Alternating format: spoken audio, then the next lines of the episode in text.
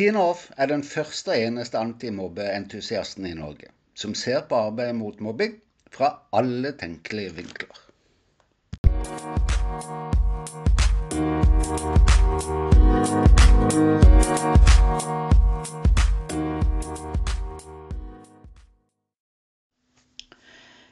Du vet, jeg er minst like opptatt av å ikke si at mer skal inn i skolen, som å si at når det er vaner vi kan endre, som gir positiv effekt både på elever og lærerens skolehverdag, ja, så bør det vurderes, tenker jeg da.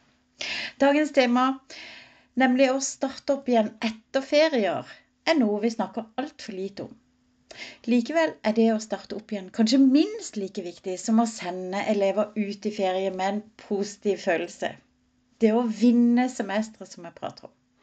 Tre enkle triks i dag.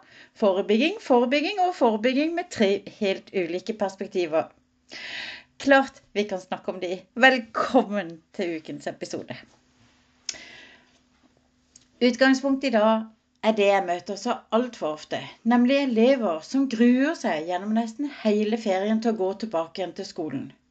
De første dagene kan godt fortone seg som seiersdager, fordi skolehverdagen plutselig var litt lenger unna. Men så begynner tankene på oppstart å snike seg inn på de, og så jobber underbevisstheten på høygir atter igjen.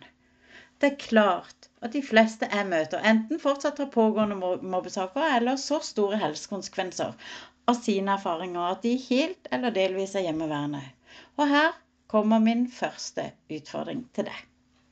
Skulle en ikke tro da at disse elevene nærmest på automatikken fikk vårt lille ekstrafokus før ferie, Altså informasjon om hva som kommer til å skje etter ferien. Er ikke det forebygging?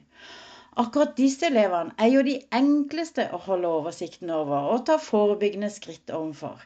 Sånn eh, f.eks. da i forbindelse med ferier, da. Men det jeg ser, det er altså ikke det. Og jeg har ikke møtt på det en eneste gang de siste åtte årene. Ikke har jeg hørt om noen andre som foreslår det heller, så herved jeg oppfordrer på det sterkeste å vurdere om ikke slik forebygging kan gjøre store forskjeller for den enkelte elev i mobbesaker, men ikke bare de. Utfordring nummer to dreier seg om de skjulte elevenes opplevelser. For uansett hvor mye en lærer antar å ha vunnet et semester sosialt i klassen, altså bygd på gode sosiale, reale og lojale relasjoner elevene imellom, vil det likevel alltid være noen som ikke opplever det slik. Hvordan kan en plukke opp disse enkeltelevene, tenker jeg. En enkel måte å skaffe seg informasjonen om enkeltelever på det er jo å sammenligne oppstarten f.eks. da med det helse gjør ved vaktskifter. Altså informasjonsoverlapping. En e-post eller SMS på mobil til samtlige hjem i klassen med spørsmål av relevans for trivselen til den enkelte elev kan være en måte å løse det på. Det trenger verken være mange spørsmål eller spesielt, men mer en enkel henvendelse med f.eks. da teksten sitat, Hvordan trives ditt barn i klassen? Er det noe du tenker det er lurt jeg kjenner til når vi nå går i gang igjen etter ferien? Hils masse og si at jeg gleder meg til vi ses. Så enkelt. To sekunder tar det deg å forfatte noe sånt. Snakk om forebygging, tenker jeg. Den tredje forebygginga jeg tenker på, må ses i sammenheng med de to foregående.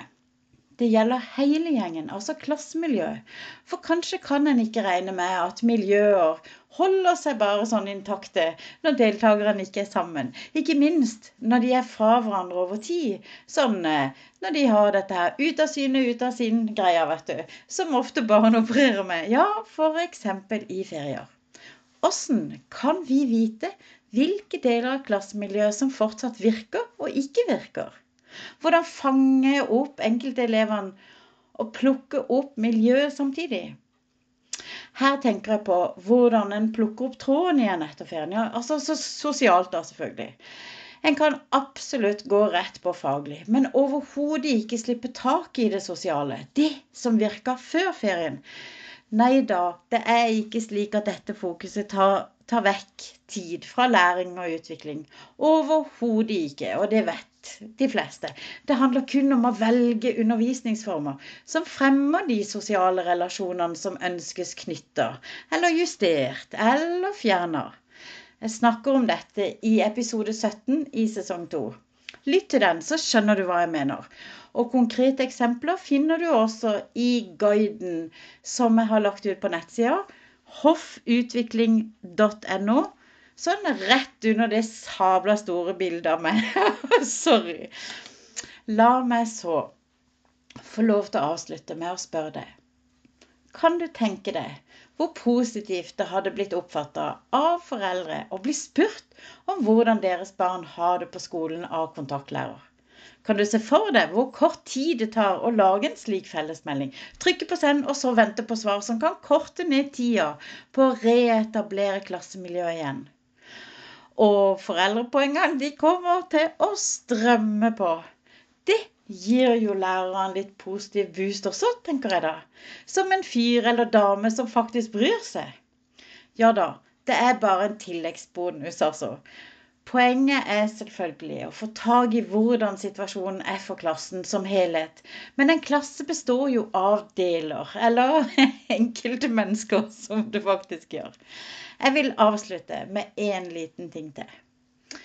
I dagens samfunn er det liten tvil om at det er langt enklere å stenge døren for å yte mer, fordi en allerede kan oppleve å yte maks. Grensesetting kalles det visst.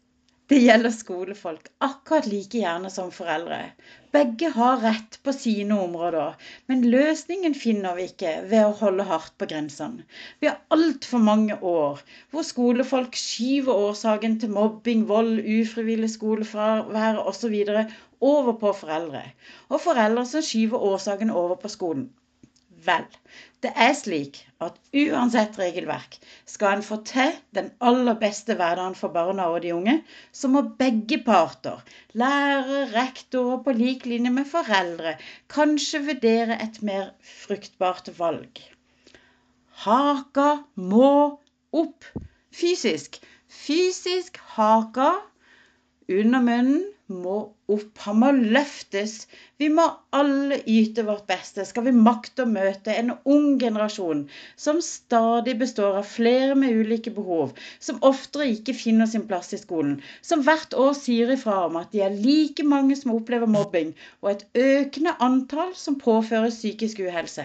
Skal vi hjelpe dem, må vi våge å justere våre vaner, jobbe mer med det sosiale i grupper og oppøve små triks som gir positive effekter for barna for å nevne noe. Og bli både kjappere, mer treffsikkert og samarbeide i et langt bedre fellesskap. Så det siste.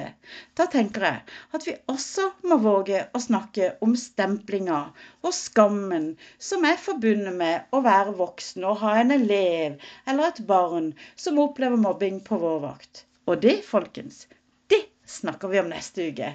God uke!